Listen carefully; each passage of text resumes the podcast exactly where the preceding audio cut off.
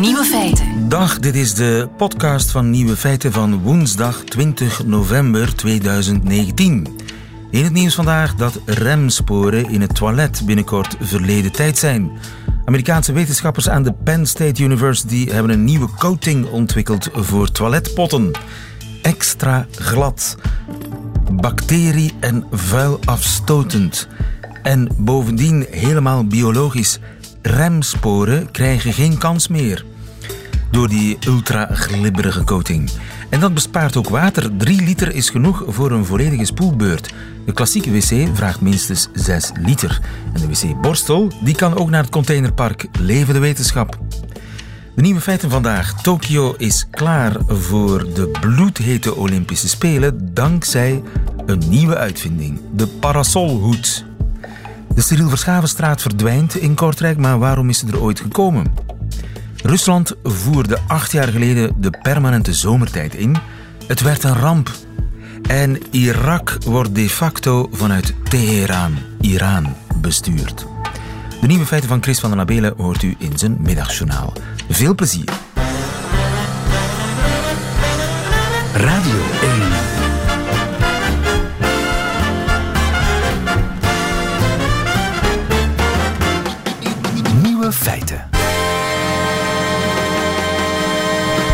krijgt hem deze zomer zeker te zien. Het wordt wellicht een van de blikvangers van de Olympische Spelen in Tokio. Met name de parasolhoed.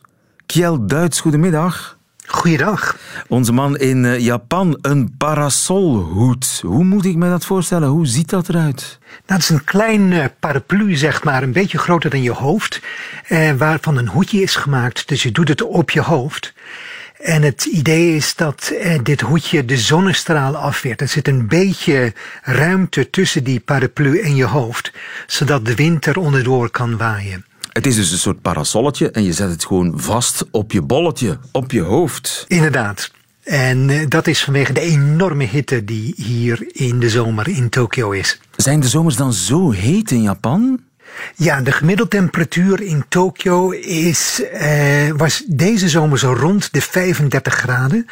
Afgelopen jaar hadden we hier 41 graden in de zomer.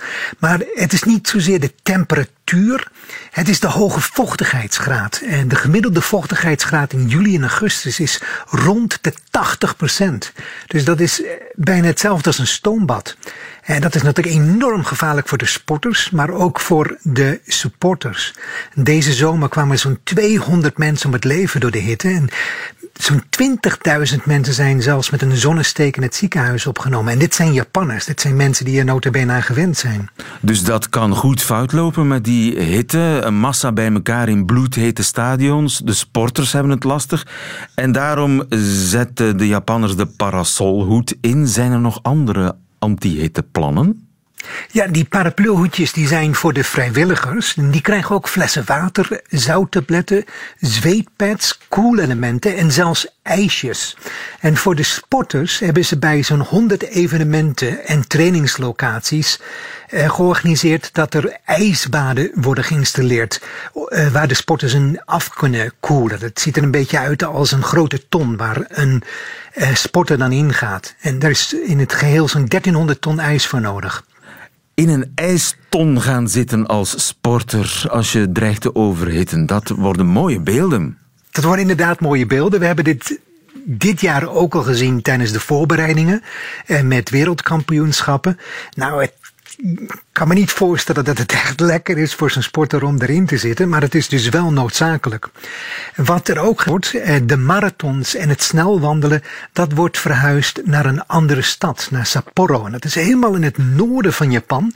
Zijn meer dan 800 kilometer verwijderd van Tokio. Dus dat is zo'n beetje dezelfde afstand als van Brussel naar Venetië. En het wordt logistiek natuurlijk een hele puzzel. De officials, de trainers, de coaches, de media, de supporters. Al die mensen eromheen, die moeten dan een paar keer daar naartoe en dan weer terug naar Tokio. Dus er moet een hele efficiënte luchtbrug gemaakt worden. Er moet een volledig nieuw mediacentrum worden opgezet daar. En, en waar verblijven al die mensen? Het is echt een hele berg logistieke problemen die nu nog binnen enkele maanden moeten worden opgelost. Ja, Want het, is echt heel plotseling deze maand besloten. Het is plotseling deze maand besloten. Dat is wel vreemd, want de, de zomers zijn niet plotseling heet geworden in Japan, toch? Ja, vanaf het begin heeft Tokio gezegd van dat de zomer hier mild was. en dus de mensen hier in Tokio waren echt stom verbaasd ook dat deze periode was gekozen. De Olympische Spelen in 1964, die ook in Tokio waren, die werden zelfs bewust in oktober georganiseerd vanwege dat hete weer. Eerder dit eh, jaar vonden er spelen plaats in Doha, in Qatar, met bijna precies dezelfde hitte en vochtigheid als in Tokio. En tijdens de marathons daar waren er echt schokkende beelden van de luchthappende sporters die op de grond lagen. En toen snapte de IOC eindelijk hoe erg het is. En toen is dus dat besluit genomen eh, om het veel koelere Sapporo te kiezen. Want dus de Japanners hadden dat eigenlijk een beetje stilgehouden dat het zo heet wordt in de zomer. Inderdaad, die hebben het stilgehouden en die hebben gezegd van uh, we klaren het wel. Um, ze hebben bijvoorbeeld ook een speciale wegbedekking ontworpen um, die de hitte afkaatst. En de weg zou daardoor tenminste 6 graden minder warm worden. En bijna 100 kilometer weg in Tokio zou deze bedekking krijgen. Gedeelte is ook zelfs al aangelegd. Um, dus het heeft al een klein fortuin gekost om Tokio hierop voor te bereiden. Maar dat gaat nu dus allemaal naar um, Sapporo. Ja. En dat gaat de, nog een extra 282 miljoen euro kosten, die verhuizing. Ja, het, uh, het zal een paar centen kosten, dat hitteplan. Maar het is er, het plan tegen de hitte in Tokio. Of het zal werken, dat zal deze zomer moeten blijken. Dankjewel. Kjell Duits in Tokio voor ons. Goedemiddag. Lieven van den Houten. Vanaf het jaar 2021 leven we misschien allemaal samen in permanente zomertijd. De meerderheid van de Europeanen is daarvoor te vinden, zo blijkt uit een enquête van de Europese Commissie. Maar in Rusland hebben ze daar ervaring mee, met die permanente zomertijd. Hebben ze hem ooit ingevoerd en al heel snel weer afgevoerd. Roelof Hut, goedemiddag. Goedemiddag. U bent chronobioloog in Groningen, gespecialiseerd in biologische klokken. Dat klopt. Het gedraai aan de klok twee keer per jaar, dat gaat hoe dan ook stoppen. Alleen moeten we nog kiezen ofwel wintertijd permanent ofwel zomertijd permanent. Wintertijd, dat betekent vroeger licht. Zomertijd, dat betekent langer licht. Hè? En in Rusland hebben ze daar ervaring mee. Daar hebben ze in 2011 ooit de permanente zomertijd ingevoerd. Waarom hebben ze dat toen gedaan?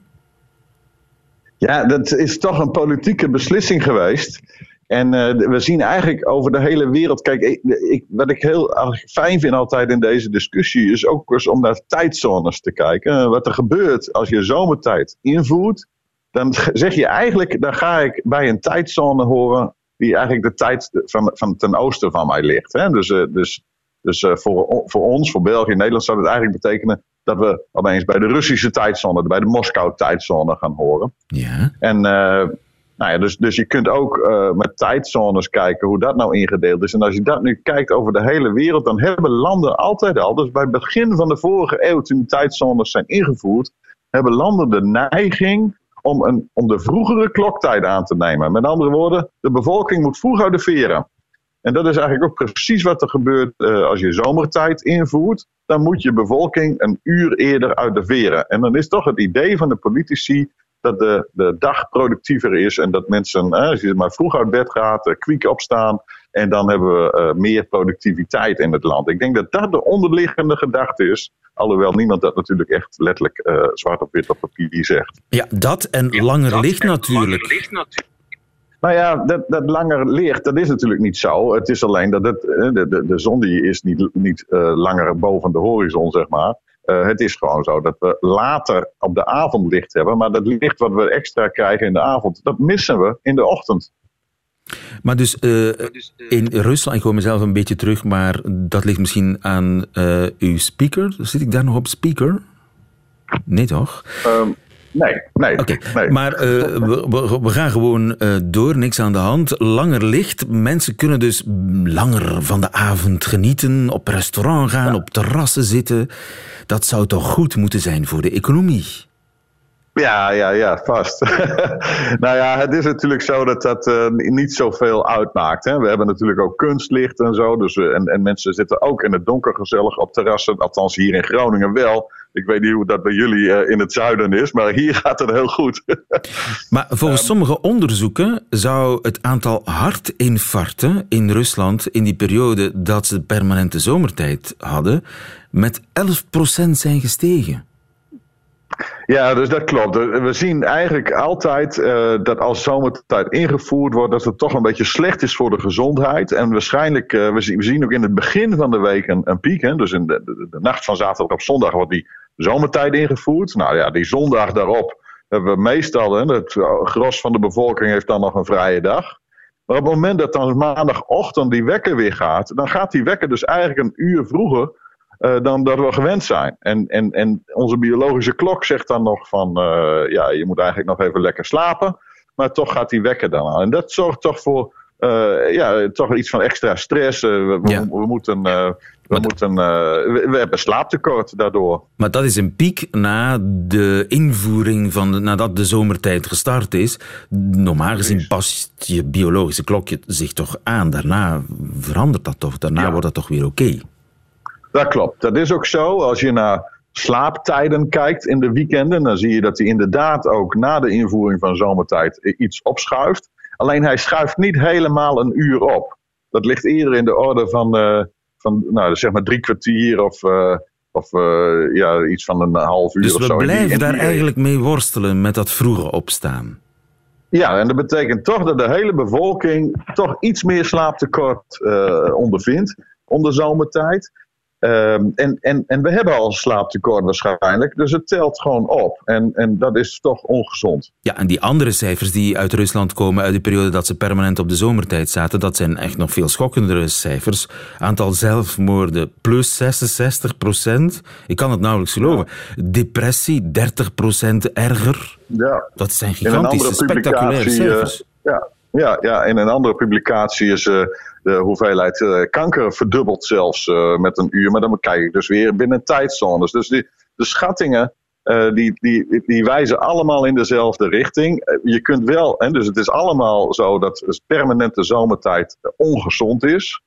er zijn wel verschillende publicaties over. En dat je zegt van oké, is het nou echt, zijn die getallen zo hoog? Nou, er zijn een aantal dingen ook in China geschat.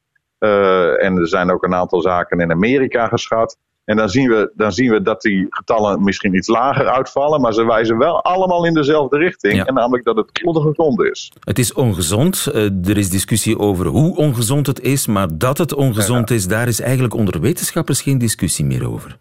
Nee, er is in feite geen discussie meer over. Uh, er zijn natuurlijk wel wetenschappers die meer aan de sportkant zitten. Hè? Dus die willen graag dat wij met elkaar naar buiten gaan om te sporten.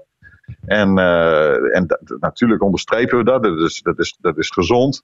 Uh, ja, we zeggen alleen, pas op, als je s'avonds gaat sporten, s'avonds gaat hardlopen, dan vertraagt dat je biologische klok. Dus dan, dan, dan wil je door het avondlicht wordt de klok vertraagd, maar ook door die extra activiteit s'avonds wordt de klok vertraagd. En daar is nou het probleem, dat is juist het probleem in de moderne samenleving. Dan, we moeten toch maandags, of uh, ja, als de wekker gaat, moeten we weer vroeg ja. opstaan. En een trage klok zorgt ervoor dat je laat naar bed gaat en laat gaat slapen. Dus dat draagt toch bij aan het slaaptekort. En dat wordt een beetje onderschat. Het belang van slaap wordt onderschat, denk ik. Ja. Nu, uh, de, als je het aan de mensen vraagt, dan uh, willen die permanente zomertijd. Hoe komt dat? Ja, dat, die, wij hebben erg op gehamerd, ook in met deze enquêtes. Pas nou op hoe je die bewoording uh, gaat, gaat hanteren. Hè? Want iedereen, als je mensen vraagt van wil u de zomertijd of wil u de wintertijd, dan zeggen mensen, iedereen voelt zich prettiger zomertijd, in de zomer. Ja, ja Lange licht, jippie. En we weten van de psychologen natuurlijk hoe, hoe, hoe belangrijk het is met dit soort vragenlijsten om je woordkeuze goed, uh, goed, goed te stellen. Um, daarbij is het ook nog eens een keer zo dat heel veel mensen ja, die hebben toch ook problemen met precies te begrijpen wat zomertijd of wintertijd is. Als je gewoon de, de man of, of de vrouw in de straat vraagt van uh, moeten, moeten de wijzers van de klok vooruit of achteruit bij zomertijd? Dan zullen de meeste mensen dat niet weten. Uh, het is heel verwarrend. Maar kun je met die cijfers in de hand, met die ervaring die we kennen in Rusland met het wetenschappelijk onderzoek uh, dat we hebben, kun je de keuze nog overlaten aan een enquête bij de bevolking? Dat is. Ik, nou ja, ik, ik, vind, ik vind dat heel lastig. Ten eerste vind ik het heel lastig om mij als wetenschapper en specialist in dit gebied op een soort ivoren toren te zetten. Uh, dat, dat, dat, dat wil ik niet. Dat, dat, ben ik. Ik wil met beide voeten in de klei staan, in de Groninger klei, zeg maar. Uh, maar van de andere kant is het ook zo dat de materie toch heel erg complex is. En, en ja, ook onder wetenschappers uh, hebben wij het nog uitgebreid over de grootte van die effecten. En het is wel zo dat we dus met elkaar eens zijn dat permanente zomertijd slecht is. Alle uh, societies, slaapsocieties, biologische ritmiek, uh, societies, internationaal over de hele wereld hebben daar statements over geschreven achter, afgelopen jaar.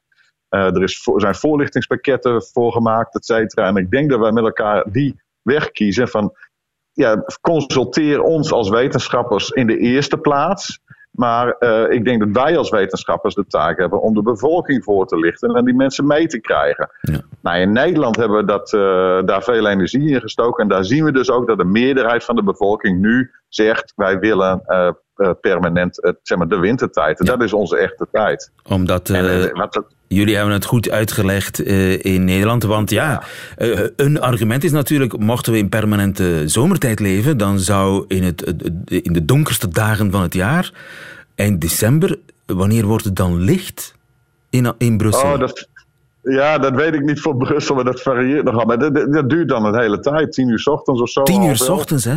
Dan is het donker ja, tot tien ja. uur s ochtends. Ja, dat is natuurlijk ook iets om goed in het achterhoofd te houden. Moeten we wintertijd permanent hebben of zomertijd permanent? De beslissing moet nog vallen, maar als het van Roelof Hut afhangt, chronobioloog in Groningen, is de keuze duidelijk. Dankjewel, meneer Hut. Goedemiddag. Graag gedaan. Nieuwe feiten. De Cyril Verschavenstraat in Kortrijk krijgt een nieuwe naam, want een ter dood veroordeelde collaborateur eren met een straatnaam, vandaag de dag kan dat niet meer. Maar ooit kon dat dus wel. Mark Reinebo, goedemiddag. Goedemiddag, lieve. Historicus en journalist bij De Standaard. Begin deze week besloot de gemeenteraad van Kortrijk om de Cyril Verschavenstraat af te schaffen. Cyril Verschaven, praat me even bij over de man. Wie was dat ook alweer? Cyril Verschaven is in de hele 20e eeuw een, uh, een, belangrijke naam geweest in de Vlaamse beweging en het nationalisme. De man is geboren aan het einde van de 19e eeuw, was priester, maar is vooral tijdens de Eerste Wereldoorlog, een, uh, omdat hij achter het front zat en dus vrij kon bewegen, heeft hij daar in die Vlaamse beweging een, een belangrijke rol gespeeld.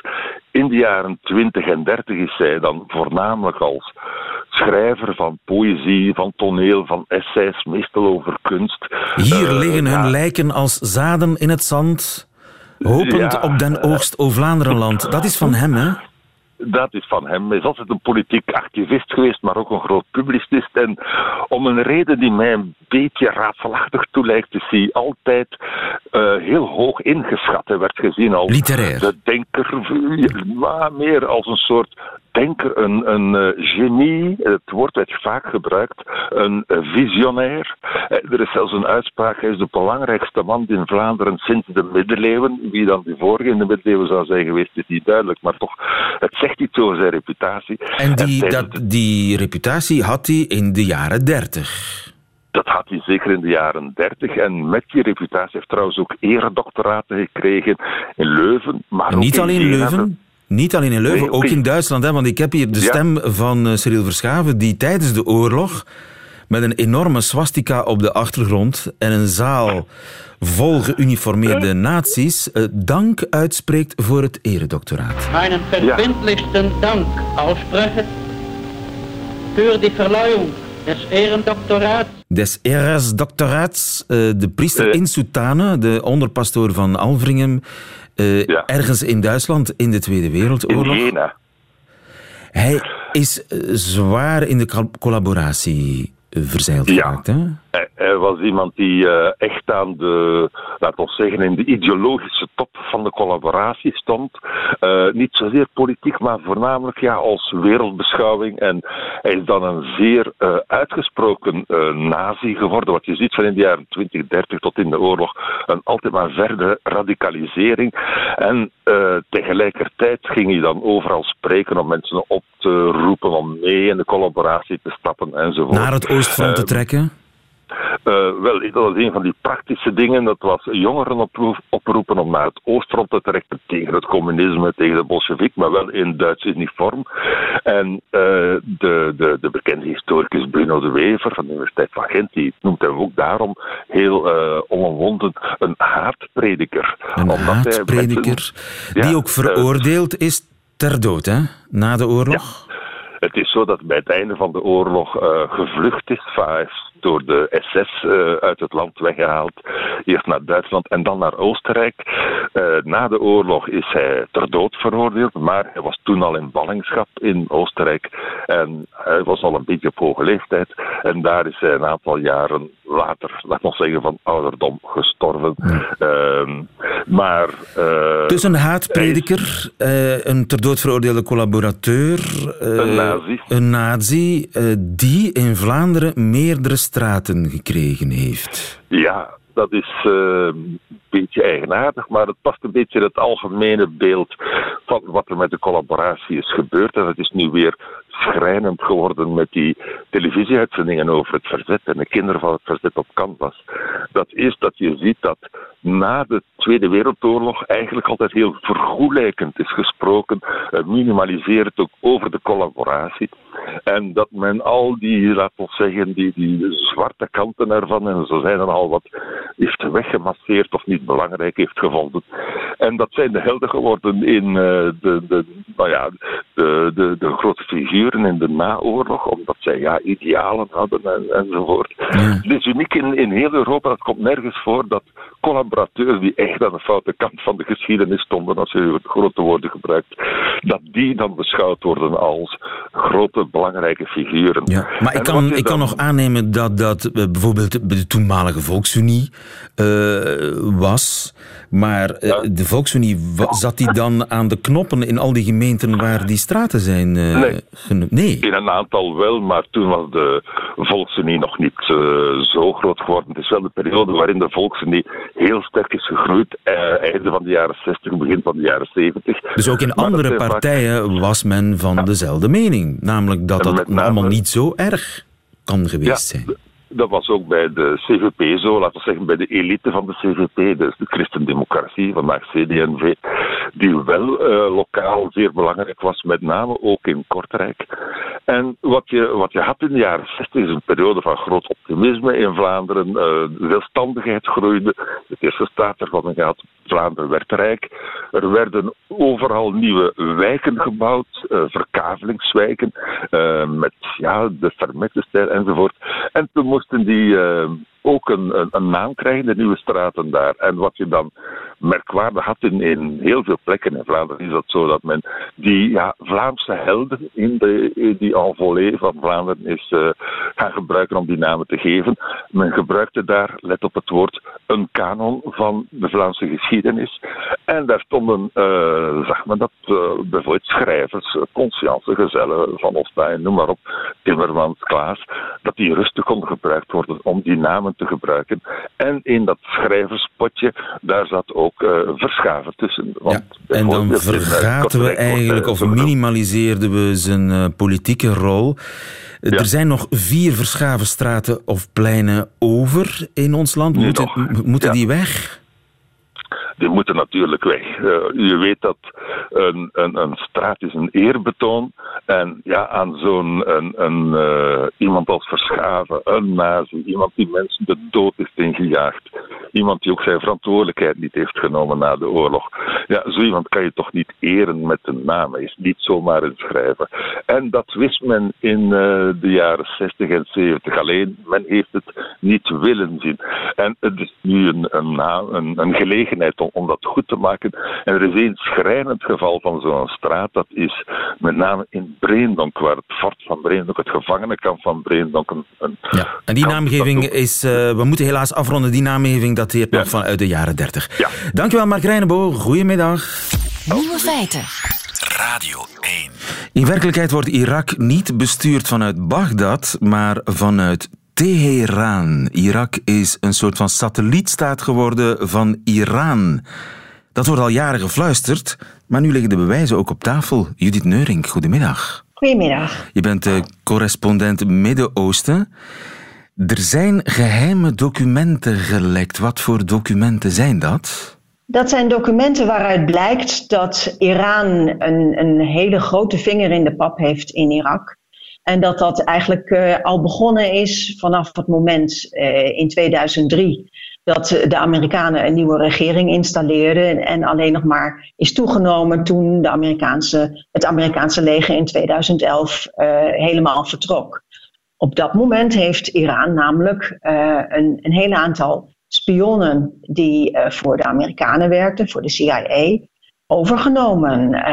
Mensen waren zo bang dat ze maar al te graag voor de Iraniërs wilden werken. Dus er is op dat moment ook allerlei informatie die uh, belangrijk was voor Iran om te weten en betrekking had op de Amerikanen is op dat moment terechtgekomen in Teheran. Dus dat waren eigenlijk mensen die voor de Amerikanen vaak werkten als spion, die werkloos en vogelvrij dreigden te worden, die eigenlijk op zoek waren naar een nieuwe buitenlandse mogendheid om voor te werken. En toen kwam Iran op de proppen. Precies. Ja. En, dus die geheime documenten die, die gelekt zijn, dat zijn boodschappen tussen Teheran en hun vertegenwoordigers, hun agenten in Irak.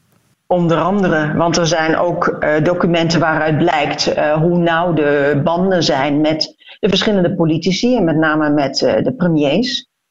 van de ene naar de andere Iraakse premier wordt gezegd dat hij uitzonderlijk goede banden heeft met, met, met Iran.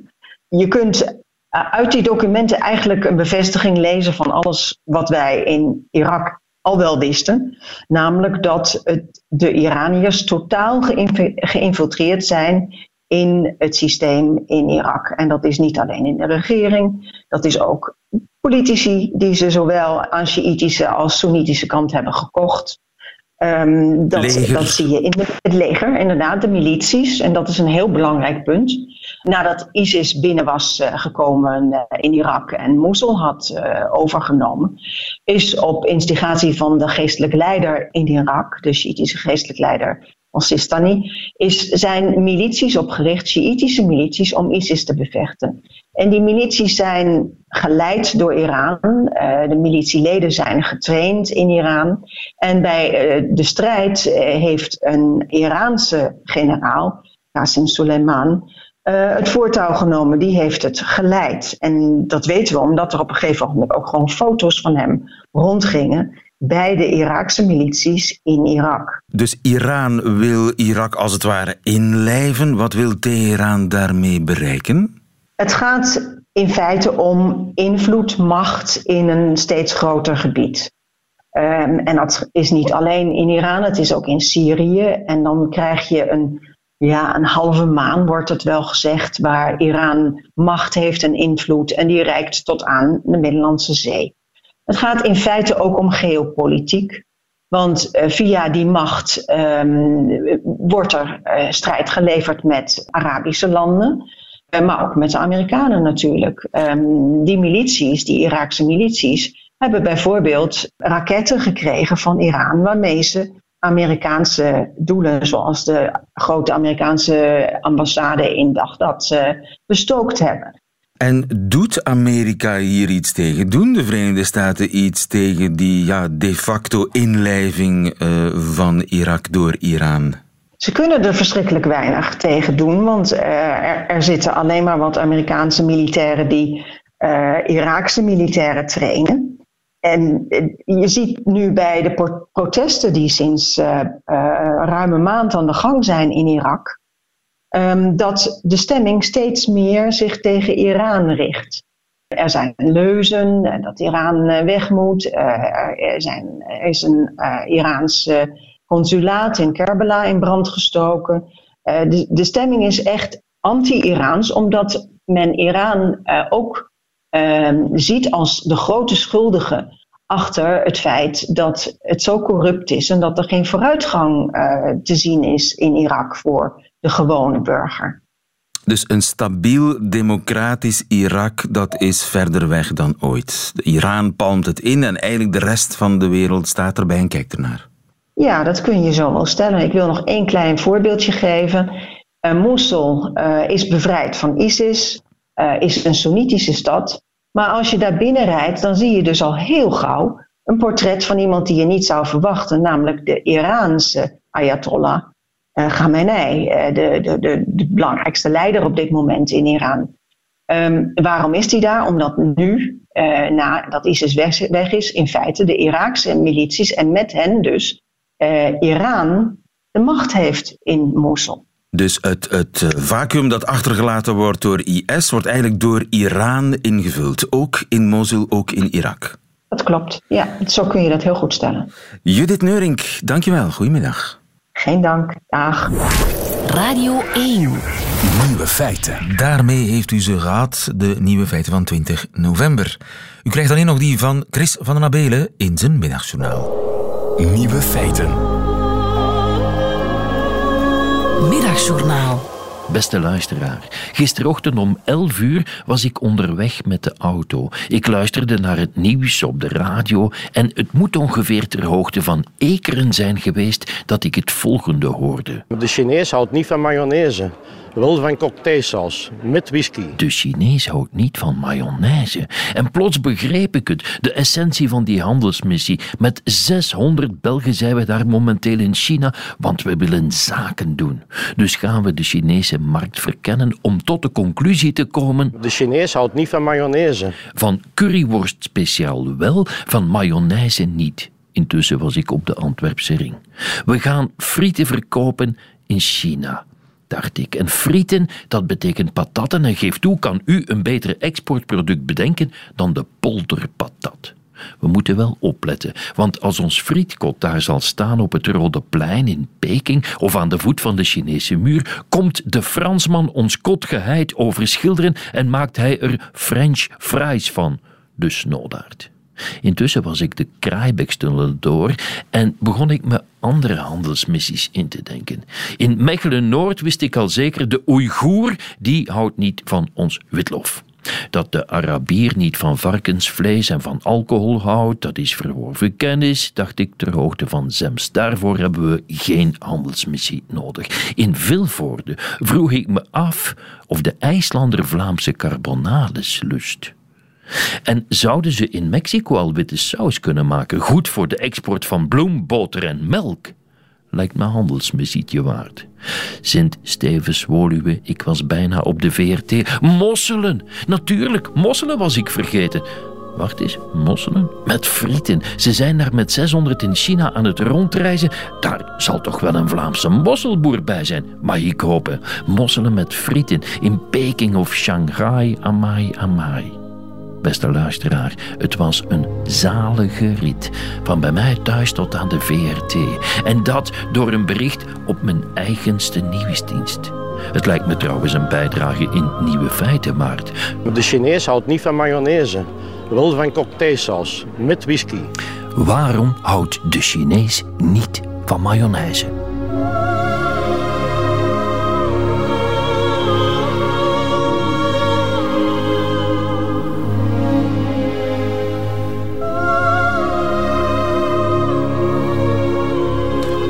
Het middagjournaal met Chris van den Abelen. Einde van deze podcast. Hoort u liever de volledige radio-uitzending van Nieuwe Feiten?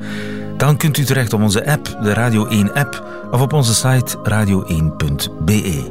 Daar vindt u overigens nog veel meer podcasts. Tot een volgende keer.